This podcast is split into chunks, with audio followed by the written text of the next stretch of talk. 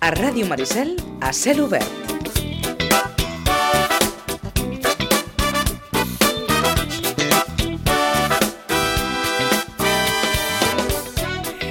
Ho llegim del portal Idealista, textualment, AX Partners, fons d'inversió immobiliari especialitzat en el mercat residencial Prime, ha iniciat el projecte de construcció de 28 vivendes de luxe a l'urbanització de Vallpineda de Sitges.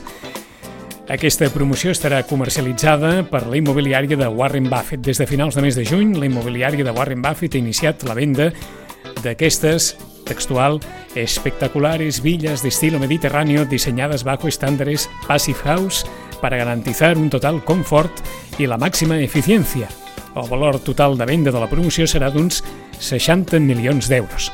Mereixen una mica el, els números bé, el, eh, el text, que ja ho saben que quan és l'hora de promocionar els textos sempre tenen un punt d'impostura, però en qualsevol cas anem al que, al que ens importa, i és que l'empresa, en aquest cas contractada per dissenyar aquestes 28 vivendes, és l'estudi d'arquitectura SGARC, que és l'estudi d'arquitectura d'en Sergi Gargallo. Sergi, bon dia i bona hora. Hola, bon dia. Això és un projecte com una casa? És un projecte ambiciós. Sí. És un projecte ambiciós. Uh, no sé si aquests números són bastant habituals uh, en el món de, dels despatxos d'arquitectes quan, es, quan es parla d'aquest tipus de vivenda. Bueno, aquests números, potser el que deies, no? el, el, el titular, eh, el que parla és del valor final. És a dir, al final, el, un, dintre del valor de, de venda d'una casa, influeix el que és per un costat el valor del, del terreny i per l'altre costat el valor de la construcció. A Sitges, evidentment, amb la situació actual, doncs tenim uns valors del, del terreny que són, que són elevats, uh, i per això, doncs, al final, el valor total del, del, del projecte és el, és, és el, el que, que és. és. Uh, um, gairebé podríem començar per aquí. El terreny ho marca tot? El, El valor terreny del terreny, el preu del terreny ho marca... marca molta part. Aquí si comparem preus, abans ho comentàvem, no? Sí, sí, sí. Eh, com- comparem preus de Sitges, comparem preus de Sant Pere de Ribes, Masalba, per exemple, o urbanitzacions tipus Olivella, doncs hi ha un, un salt del valor del sol molt, molt important.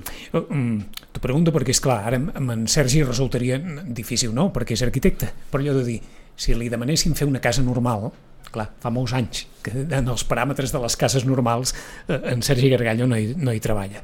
Però es pot fer vivenda econòmica? Es pot fer, Es pot fer. es pot fer vivenda econòmica, Sempre ho preguntem, eh? perquè a vegades en, ens costa que quan, quan es parla de tantes dificultats de dir no, és que el preu per metre, que si ho sol, que si has de contractar una empresa, que tal, no sé què. el tant per cent més elevat a Sitges, per exemple, del Sí. metre quadrat de venda, no ho marca la construcció, ho marca el valor El sol. del, del sol. I aquest és el problema principal. Sí que és cert que en l'últim any eh, els costos de construcció doncs, s'han elevat molt. No són els mateixos que fa, que fa un any, no? degut, al, co- degut al cost de, de l'energia. Mm -hmm. Però aquí sí, ja és el, el, cost, el cost principal per metre quadrat no ve repercutit per la construcció, ve pel, pel cost del solar. Ara, ara ens ficarem amb les Passive House, però quan, quan en Sergi Gargallo o els arquitectes de, de, de la seva empresa contempleu eh, projectes, és igual que us faci, eh? però de vivenda pública, i, i penses, no sé, encara es podria fer més econòmic? No? Sí?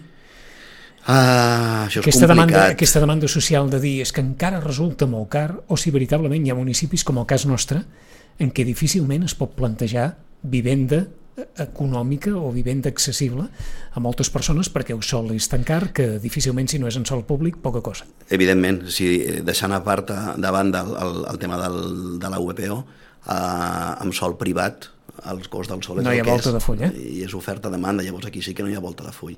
És a dir, no té cap sentit estalviar 100, 200 euros, 300 euros al metre quadrat construït de construcció quan el valor del sol estàs en 2.000. Mm. En Sergi ens deia que aquesta carrera de la Passive House va començar més o menys fa 10 anys.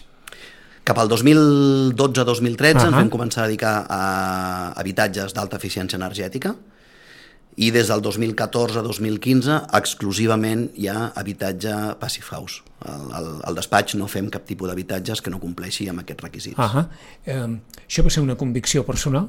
Totalment. Totalment.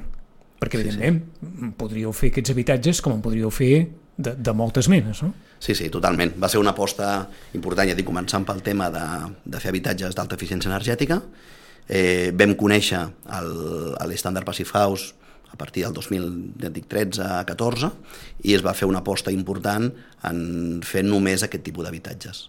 Alguns, tots el, el que diem sempre és tots són certificables, a vegades es certifiquen oficialment pel Passive House Institute, a vegades el client no ho vol, però tots eh, compleixen els requisits per, per poder ser certificats. Abans feia aquella, aquella comparativa amb una masia de les d'abans, eh, en què a vegades quan, quan arribes a una masia dius oi, que fresquet s'està aquí a ple estiu, tal i qual. Eh, allà hi havia un, un, un cert criteri o, o també un cert pensament de sostenibilitat quan es construïa Totalment. Totalment. És a dir, al final, dintre dels, dels paràmetres eh, I a partir dels materials que, que tenien i, que, sí, amb els sí. quals es podia treballar. Ah, clar, al, al final el que s'estava fent és treballant amb molta inèrcia tèrmica, que es diu. Què és Cosa, això? Inèrcia tèrmica és la, diguem la capacitat d'un material d'emmagatzemar energia. I això, amb el nostre clima, eh, permet, sobretot a l'estiu, poder dissipar molt millor el, el calor. Aleshores, al final no, no estem amb el Pacífic, no estem descobrint eh, res nou. Mm. El que estem fent és... És recuperar, és recuperar, vull dir, al final a l'hivern sí que el que hem de fer és intentar captar el sol, que és la nostra calefacció, i a l'estiu el que hem de fer és protegir-nos d'ell, res més que això. Vull dir, al final el que fem és, és dissenyar els habitatges de tal manera que les ombres ens protegeixin del sobreescalfament a l'estiu i eh, que l'habitatge sigui en condicions favorables prou hermètic com per no perdre l'energia interior cap a l'exterior. Mm -hmm. Ara ens hi posarem amb això, però suposo que, que, que per tant estem a l'antítesi, ja no diré d'aquell tipus de vivendes, però d'aquell edifici públic que hem vist tant, amb façanes de vidre... Totalment. Totalment. Totalment, totalment. Allò és el més ineficient que, sí, sí. que ens podríem imaginar. L'única diferència versus una masia seria que per aconseguir una, o sigui, una, la inèrcia tèrmica i estar fresquets a l'estiu amb una masia, el que fem és tenir molta, molta façana i poca obertura. Uh, quina diferència tenim versus els habitatges actuals? Que avui la gent el que et demana és una relació interior-exterior. Aleshores, aquí el que hem de, el que hem de lluitar és per aconseguir un, uns, unes ombres mitjançant voladiu, mitjançant el disseny de la casa i, evidentment, jugar amb fusteries d'altes prestacions. Uh mhm. -huh.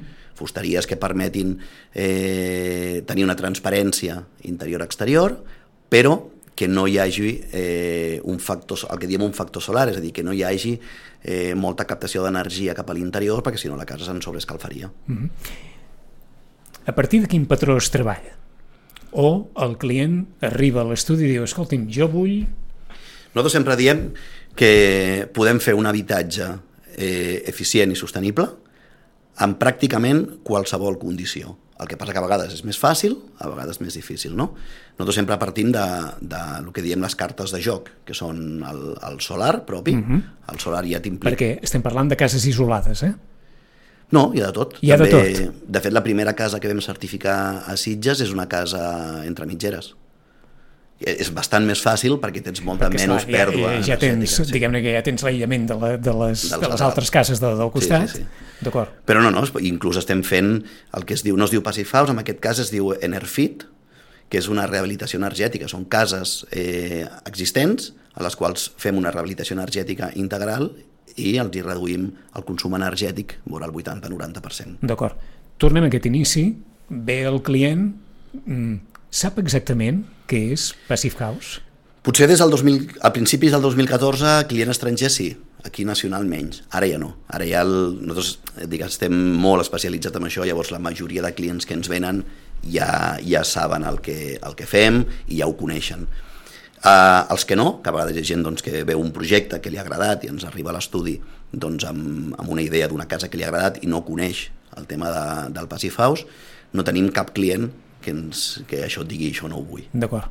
Uh, uh, o sigui que molt sovint això va... Escolta, més que he vist una, vist una casa que hi ha una certa referència d'algun tipus de vivenda quan s'arriba a un estudi d'arquitectura i es diu, mira, m'agradaria fer una casa, però és que he vist aquella i aquella m'agrada una mica de tal. Sí, normalment sí. Normalment la, gent, sí, eh? la gent arriba amb una idea com molt preestablerta del que vol, o ha vist un projecte eh, o nostre o d'algun altre company doncs, que li ha agradat, i llavors busca una estètica determinada. D'acord. Teniu, en general, i no sé si és que es pot definir així, però si no, en tots els matisos que vulguin Sergi Gargalla, una estètica molt sòbria? Nosaltres sempre diem que l'estètica la marca el client. És a dir, el, el nostre denominador comú de tots els projectes és el, les altes prestacions a nivell de confort, tèrmic, lumínic, qualitat de l'aire. però l'estètica la marca el client. És a dir, nosaltres ens adaptem a, al que cada client evidentment vol perquè al final serà casa seva. Sí que és cert que la línia del, dels, dels últims anys de tots els projectes és una línia molt mediterrània, molt de línies molt, molt marcades, blanques, amb mm -hmm. combinació de materials molt naturals, amb pedra, eh, buscant una línia molt mediterrània. Ho, ho dic per si mm, l'arquitecte ha de deixar una certa empremta o en el cas de, de la vostra proposta tot és el, el servei del client, que evidentment és el servei del client, però si l'arquitecte ha de deixar un cert... Amb sentit comú, sí. Un cert segell, eh? És a dir, no, no, per nosaltres el segell és el, el confort, el confort i l'eficiència energètica. Encara que després sí que és cert que, que la línia dels últims projectes van amb, un, amb una estètica determinada, però no ve marcada pel nostre despatx. És a dir, al final és el, el client que ens diu mira, m'agrada això que heu fet, m'agrada això altre que heu fet, vull alguna similar. Però nosaltres l'estètica no ens agrada al, al, al despatx tenir com un segell propi estètic, perquè al final és el client el que, el que defineix com és casa seva. No? D'acord, tenir un segell propi significaria, d'alguna manera, dir, mira, és de del despatx d'en de, de, Sergi, tal, allò que molt sovint passa amb molts arquitectes que tenen un criteri estètic molt, molt específic i també molt, molt distingible, no? Passa, sí, sí, perquè, Passa. perquè dic, perquè, però perquè el client ens ho demana, és a dir, no perquè nosaltres ho imposem per entendre'ns, és a dir, tenim projectes al despatx de, de tipologia estètica molt diferent. Molt diferent. Uh, la majoria sí que van amb una línia molt mediterrània, molt marcada d'uns porxos molt grans, amb línies blanques, pedra, materials naturals, però és per petició de clients, no per imposició de despatx, per entendre'ns. D'acord. Això deu valer diners. Això val diners. Això val diners.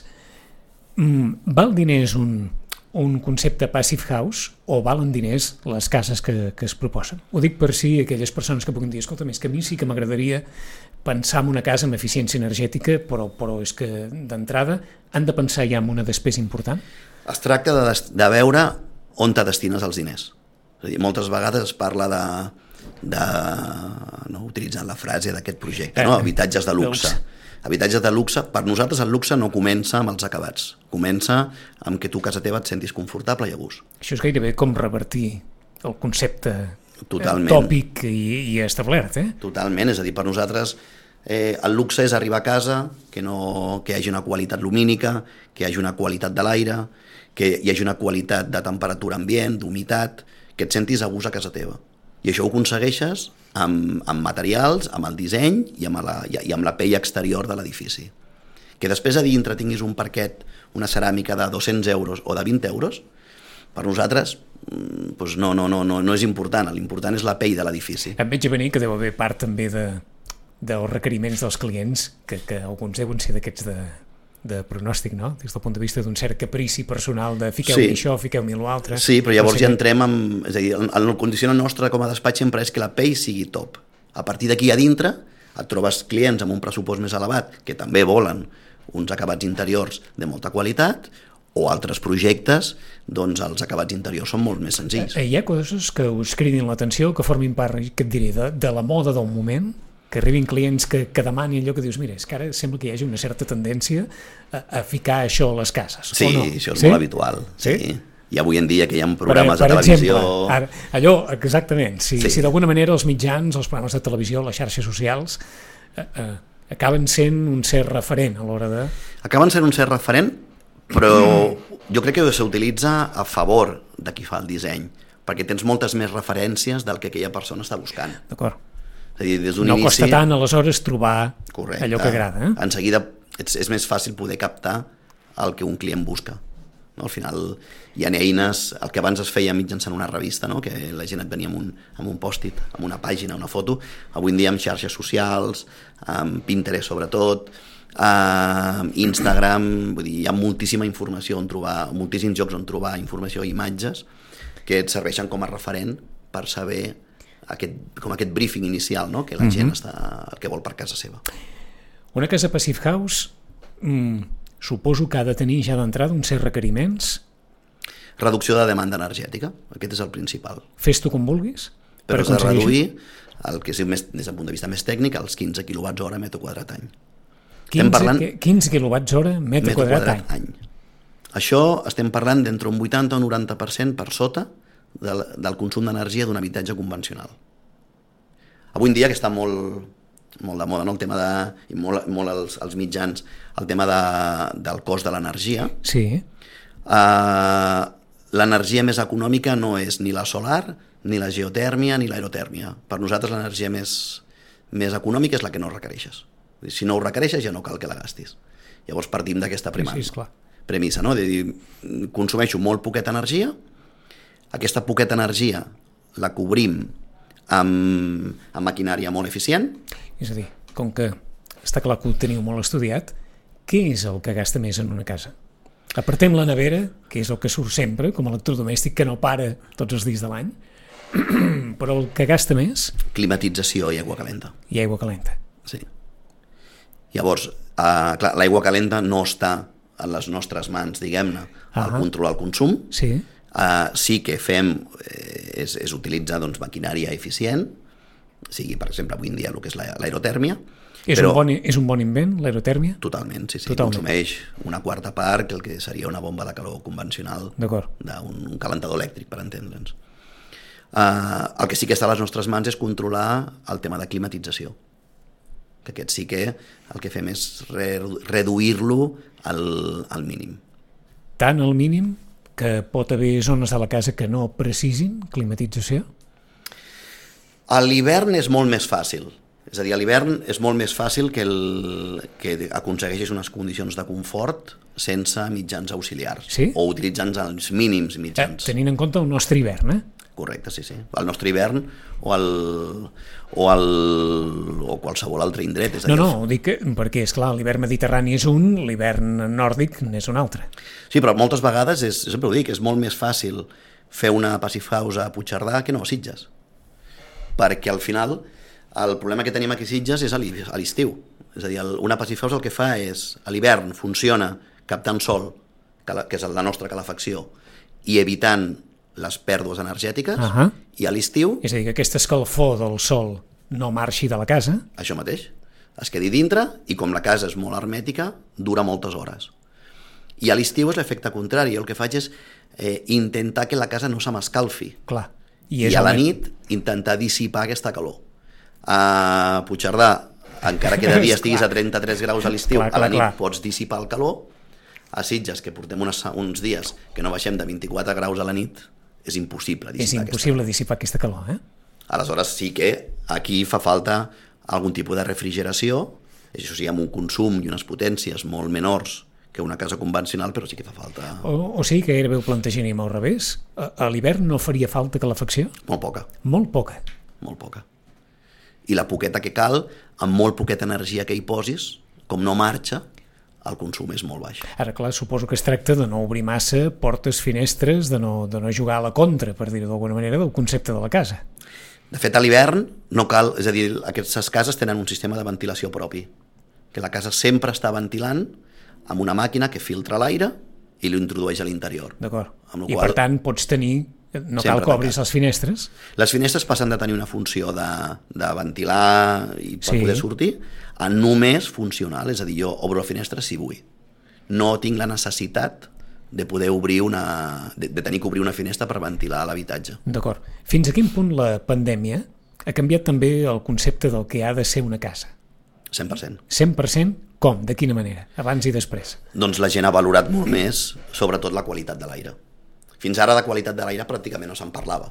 No és veritat. Sí. I ara, amb el tema de s'ha de ventilar pel Covid, eh, la, la gent ha estat molt tancada a casa seva, eh, nosaltres hem, en l'últim any hem notat un, un increment de projectes demanant el tema de ventilació, el tema de qualitat de l'aire, que fa dos anys no, no teníem. La gent suposo que a l'estar més temps a casa doncs, ha valorat molt més mo- molts aquests aspectes. Eh, En, en alguns moments amb una certa paranoia? És a dir, no, Sí, l'aire- en alguns casos, sí. És com he pensat, dic, ara veuràs tu, eh, que l'aire estigui perfectament sempre dalt. eh? Sí, sí, sí, sí. sí. Sí, sí, sí.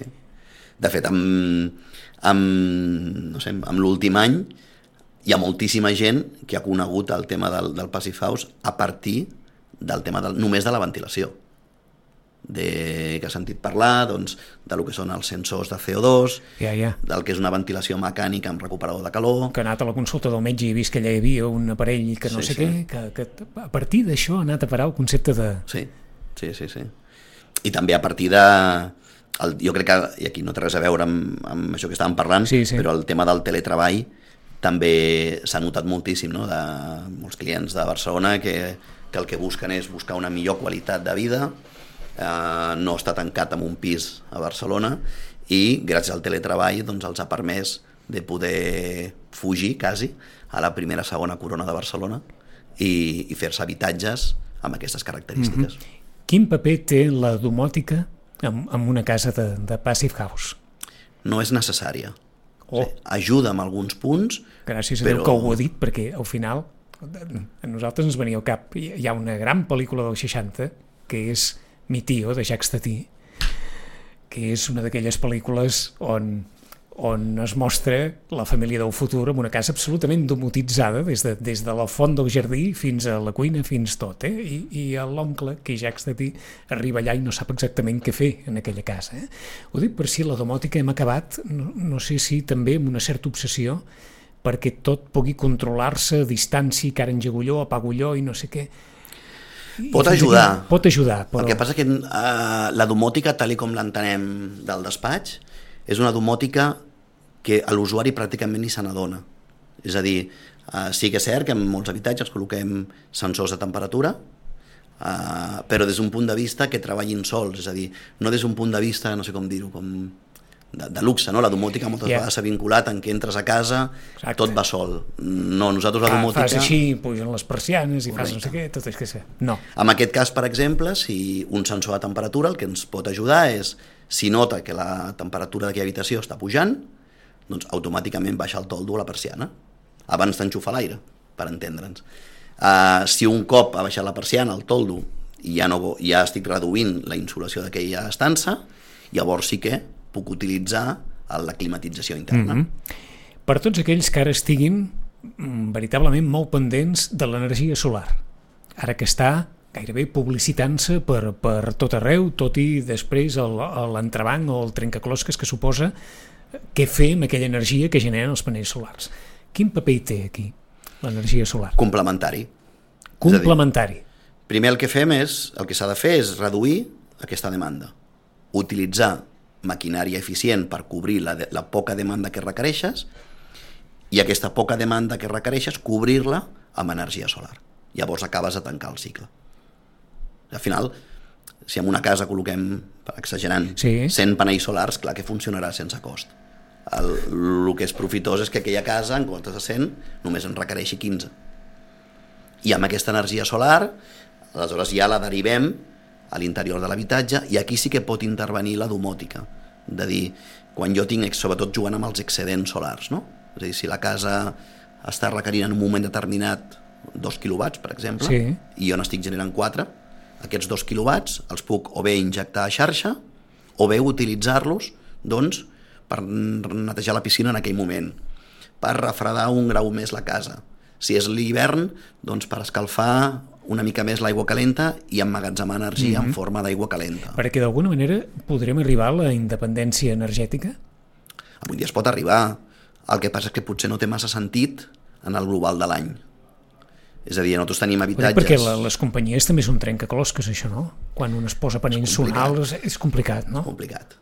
És a dir, el, el, el, el balanç anual, nosaltres, per exemple, tenim un habitatge a Vilanova que és positiu, que es diu. És a dir, que genera més energia Que la que consumeix. que la que consumeix, però no ve eh, més a més. És a dir, a l'estiu ens en sobra, però en canvi al gener, desembre ens en falta. Aleshores, el poder estar desconnectat al mes de desembre i gener faria que a l'estiu tinguéssim un excedent que poguéssim alimentar mig poble, per entendre'ns. Però això no és possible ara. És possible, aquesta però des del punt de vista econòmic econòmic no no, té no, de té massa sentit, eh? O sigui que l'energia solar és un complement, vull creure que... És que no, no sé si no, tots aquells que a casa seva diguin escolta'm, és que les vitros estan a tot arreu. I les vitros mengen energia a, a punta pala. Sí. I, I no sé si moltes cases van acabar tenint vitro perquè era molt més econòmic instal·lar una vitro que no fer una instal·lació de gas en, en, en el seu moment. Uh, a nosaltres el, els habitatges que fem són tots elèctrics. Tots elèctrics. Primera perquè el, pel tema de l'hermeticitat el gas té unes limitacions no? que requereixes d'una ventilació permanent i segona doncs perquè al final també t'estalvies uns mínims és a dir, només tens contractada la llum i aquesta pròpia llum te l'estàs generant tu mateix amb, el, amb les plaques solars D'acord. aleshores el tema del gas amb aquest tipus d'habitatges no, No, no, no apareix, no hi té eh? cabuda No hi té cabuda. I suposo que a partir d'aquesta combinació de diferents elements eh, la despesa elèctrica és una despesa molt reduïda. el que dèiem, entre un 80 i un 90%, 90% que 90%. un habitatge convencional sí, sí, Això ja des del primer any, des del minut zero des del minut zero. sí, sí. Uh, pot pensar, bé, faig una despesa molt important en l'habitatge, mm, anava a dir, en, evidentment no la revertiré, però en sortiré guanyant amb moltes coses. Sí, i amb una amortització relativament curta. És a dir, sí que, evidentment, el, el tenir una instal·lació solar i, i unes finestres d'altres prestacions i uns aïllaments més, més importants que el que diria el codi tècnic, doncs té un sobrecost. Uh, aquest sobrecost, actualment, els la mitjana de projectes que tenim s'estan amortitzant en 7-8 anys. D'acord? Això vol dir finestres més gruixudes, Vol dir finestres de millors prestacions. Eh, que sobretot no amb- necessàriament vol dir més gruixudes. Habitualment són més gruixudes. Gruixudes. Eh, habitualment estem treballant amb, nosaltres amb triple vidre, no amb doble vidre, sinó que són dos cambres d'aire interiors. No tant pel clima, sinó per té també un tema de seguretat. És a dir, al, al final els clients, per exemple, aquí Sitges ens demanen doncs, eh, tenim molt, molt en compte el tema seguretat, que una finestra de triple vidre aporta molta més seguretat que un doble vidre. D'acord? És una qüestió que preocupa també? Sí, Ha anat a més la preocupació en matèria Sí. de seguretat? sí, sí. sí, sí, sí. Deu haver mil i un sistemes, suposo, per blindar una casa. Sí, uh, potser, potser aquí hi ha un, un, com un mite, no?, que la gent, uh, el tema de les persianes, dona una falsa sensació de seguretat. Ah, Aleshores, nosaltres sempre opinem que és millor posar un bon vidre abans que una persiana, com ho deien això? Que som un país de persianes? totalment. Sí, que Totalment. no hi ha molts països que utilitzin les persianes i en canvi eh, eh, l'estat espanyol, Catalunya, som, som un país de persianes. Sí, sí, És veritat, això? sí, sí, sí, sí, sí. Però més potser des d'un punt de vista de privacitat, de, no, de, de mas a Sí, sí, Amsterdam sigui, veus... sigui una mallorquina, sigui és igual, persianes. Sí, sí. Som Sí, país sí. de persiana. I a fora no es fa servir, eh, la persiana, o no es fa servir tant? No tant, No tant. Aquí nosaltres la persiana la utilitzem sobretot des d'un punt de vista del que dèiem abans, de protecció solar, però no, no de seguretat. D'acord. Per tant, el triple vidre, a més d'aïllar, és més segur, segur que el centre de Sitges diran ai, qui, pogués tenir triple vidre, que, que aïllaríem... I acústicament, acústicament també. Parets més gruixudes? Uh, no tant, aquí depèn molt del sistema. És a dir, el, el Passive House el que fa és limitar la demanda, però no el sistema constructiu. O sigui, nosaltres estem fent. Passive House amb, amb obra tradicional, el que seria, per entendre'ns, eh, totxo, o totxo ceràmica. tota la vida? Estem fent cases amb prefabricat de formigó i amb fusta, tant el que és en CLT o entramat lleuger. CLT què és? És eh, fusta, diguem-ne. Fusta. El pla dur, que, que... Ho dic perquè es fa servir tot arreu, ara, el pla dur. Bueno, però és un, més un acabat interior. És un pla dur ben fet. És infinitament millor que una ceràmica. Sí? Sí, ben fet. Aquest és el problema. Ben fet, què vol dir? Ben fet vol dir un, amb un Perquè en aïllament... veiem, en veiem passar molts de pladurs amunt i avall, eh? de planxes de pladur amunt i avall. Això vol dir amb un aïllament? amb un aïllament i, amb, i per almenys amb una doble cara a costat i costat, no? Que no sigui paper de fumar, per entendre. D'acord, perquè és evident que el pladur és o ha estat el recurs de la construcció econòmica. Ben fet no hauria de, No hauria de ser així. no hauria de ser així. Eh, Però en de fet, un pla dur és ja- més car que una ceràmica. No, doncs gairebé ho hem tipificat, eh? I hem convertit el pladur Sí. en sinònim de... Escolta, a casa sí, pladur a tot arreu, no pots ni penjar res perquè si penges queda tot de... Eh, Hem acabat gairebé associant el pladur a un, a un tipus de Sí, construcció. però no, no hauria de ser No així. hauria de ser així. Al final, una ceràmica el que fas és fer una paret per després trinxar-la sencera per fer regates i passar instal·lacions. Cert. Aleshores, un, un, bon, un bon envà de pla dur eh, és infinitament millor que un envà ceràmic un cop li hem passat les instal·lacions. Perquè sella més? Queda perquè més és tancat? més queda acústic, o sigui, acústicament funciona millor, um, perquè queda millor, perquè al final no, no depens de la mà del, del guixaire o, del, o, del, o de la persona, la paleta, no? que ha fet la, la paret, bé, perfecte, mm. -hmm. llavors hauria de funcionar millor, un va de pladur ben fet. Hem parlat d'una casa. Què passa amb els pisos? Si algú té un pis i diu, escolti'm, a mi m'agradaria eh, poder-lo adaptar a, una vivenda passive house. Ho estem fent, hem fet, de fet a Barcelona n'hem fet, n'hem fet diversos, Qualsevol tipus de pis? qualsevol tipus de pis. És a dir, tinc un pis de l'any 60, tinc un pis de l'any 70. De fet, com més antic és, Millor, més espectacular és el canvi, diguem-ne, perquè molt, la millora és molt més gran, d'acord. Que estaven més ben plantejats fa 50 anys, els pisos? com ara, depèn. Com ara. Depèn del Depèn. cas. depèn del, de qui ho va fer, com ho va fer i quins recursos hi va posar. Ho dic per si moltes persones es plantegen o us plantegen mm, millor una reforma que no comprar una vivenda nova. Uh, I si és un bon plantejament?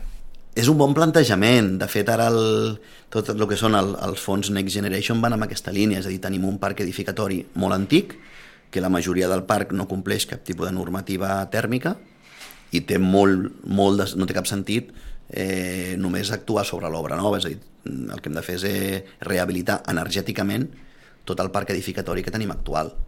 I, de fet, el, el Fons Next Generation va amb aquesta línia de, de rehabilitar, des del punt de vista de criteris energètics, tot el parc edificatori. I es pot rehabilitar i deixar un pis Perfecte. perfecte. Sí, sí, sí. sí, És sí. a dir, ningú ha de patir per allò de dir, escolta'm, tinc una vivenda que té molts anys, a no ser que tingui patologies d'aquelles greus, però si no li puc quedar un pis Sí, perfecte. Sí. El que passa que sí que tens que actuar amb la globalitat del pis. És a dir, la persona que vol reformar No la i cuina el bany. sola, ni, ni, no, no va per aquí això, eh? Aquí val, si algú vol reformar íntegrament un habitatge, té tot el sent... De fet, no tindria cap sentit no fer-ho d'aquesta manera. Ara, si el que vols fer una intervenció petita, llavors sí que s'ha d'actuar globalment. Tornem a l'inici de la conversa, aquestes 28 vivendes que estaran, que, la, que les podran veure, vostès ara ens deia eh, en Sergi Esclar, estaran en un lloc força visible de, de Vallpineda, perquè evidentment a la, gairebé diríem que, que quan, quan facin vostès la rotonda per agafar la carretera de Ribes, les tindran, vai, en veuran unes quantes allà, eh? Sí. Aquella és la zona on estaran situades part d'aquestes 28. Primera fase és la, les 12 inicials, van a la zona on hi, ha, on hi havia la, la hípica, el ranxo davant de clonació, uh, i de segona fase és tot el ronyó diguem que queda a l'entrada de la- de l'autopista de Sitges Centre. Uh -huh. Per un estudi d'arquitectura es planteja d'una manera molt diferent quan hi ha una proposta, un projecte d'allò, 28 vivendes, que quan ve un client allò en solitari? Eh, es planteja diferent perquè el, també és intenció de, del, dels inversors que, que no es vegin com 28 habitatges Iguals. eh, ni tot iguals ni que no tinguin cap relació entre ells llavors has de buscar un, un, una estètica que sigui comuna a totes però sense ser exactament iguals als 28 habitatges És molt diferent un client individual que un inversor? és molt diferent, sí. Molt. molt diferent. Al final un client, aquí el que fem és intentar buscar un genèric, no? un, que sigui el, que, que el disseny de les cases se- es pugui adaptar al, a la màxima gent possible, no? I quan tu et fas casa teva, al final te'l fas, és un tratge a mida, te'l fas totalment a mida. Eh, eh, I a un professional sempre li hem de preguntar fins a quin punt renuncia allò que voldria fer per poder tenir un bon contracte. En aquest cas no és així, és a dir, eh, nosaltres estem molt agraïts a X-Partners per la confiança que ens han dipositat i, han confiat plenament en nosaltres, eh, tant amb el disseny com amb l'estàndard Passive House i amb, el, i amb aquest tipus de, de projecte i de disseny que s'ha realitzat. dic per si a vegades és un equilibri complicat, aquest. Depèn del, depèn del client. És a Depèn del client. En aquest cas, eh, la confiança ha sigut absoluta i han, i han confiat plenament eh, amb l'estàndard Passive House, que això no és fàcil, Ah de, amb, amb uns inversors, amb uns promotors De dir- doncs, que apostin tan fortament per aquest tipus de- d'estàndard, però no, no ha sigut el cas d'aquesta promoció. La certificació qui la dona? Passive House Institute. O sigui, nosaltres el que fem és... I és una certificació homologada a tot arreu? És una certificació privada, però es- està considerada a nivell mundial la certificació més exigent des del punt de vista d'eficiència energètica. D'acord, i aleshores suposo que vosaltres com a gabinet d'arquitectura també, és a dir, que hi ha una certificació que afecta tant els professionals que dissenyen l'obra com després a l'obra un cop feta i, i Sí. certificada? Nosaltres al, a l'estudi som diversos, eh, el que es diu Passive House Designers, que són persones que estem formades i capacitades per poder realitzar aquest tipus de, de disseny, i després a obra tenim tècnics que es diu Trades Person, que són els, els tècnics especialitzats en construcció Passive House. Uh, tot això ve auditat per una persona externa, que ve del Passive House Institute, que ens valida tota la feina que hem fet, certifica que està correctament feta i dona la certificació oficial. D'acord. Qüestions finals. Ara que s'estan posant, no sé si dir de moda, però es comença a parlar de les cases de fusta. Sí? És un bon... És una bona solució. És una bona solució. De fet, nosaltres estem fent, estem fent bastantes cases de, com et deia, no? d'entremat lleuger, CLT. Sí.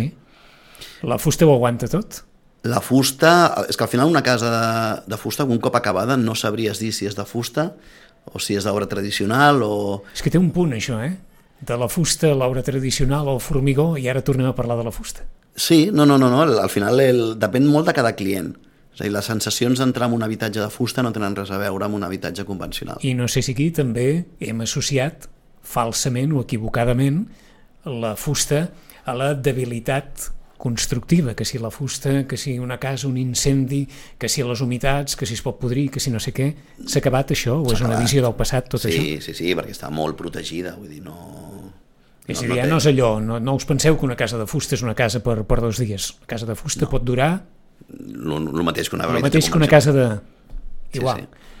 T'agrada el que s'està fent a Sitges? M'agrada el que s'està fent a Sitges. Uh, bueno, hi ha de tot. Des del punt de vista urbanístic estem parlant d'un planejament que és, que és molt antic. Llavors, uh, no, no, no ve d'ara això. Uh, tot el tema de la plana doncs és, és, és complicat, no? doncs perquè hi ha una zona que és d'una densitat un pèl més alta des de camí cap a Llans cap a mar i tota la zona de camí cap a Llans cap a, cap a muntanya, per entendre'ns, és una densitat molt més baixa no? d'habitatges unifamiliars. Mm -hmm. Bueno, al final és, eh, són terrenys en sol privat i, i cadascú al final fa casa seva com, com vol, no? Per què costa tant que, que ens entusiasmi eh, eh, aquests Sitges del tombant de segle més enllà?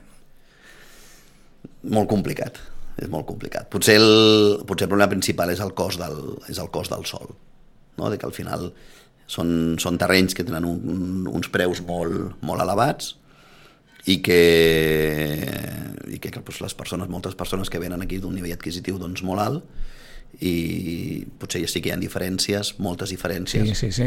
versus els preus que, que potser hi havia fa uns anys, no? Mm -hmm. Heu passat bé la pandèmia, malgrat tot? Sí, sí, sí, no ens podem queixar. No us podem queixar. 10 i 45 minuts, 3 quarts d'onze, projecte de 28 cases dins de tots els projectes que té l'agenda el despatx d'arquitectes de en Sergi, en Sergi Gargallo, que l'hem tingut aquest matí. Sergi, gràcies. A vosaltres. Sort en el futur, com no.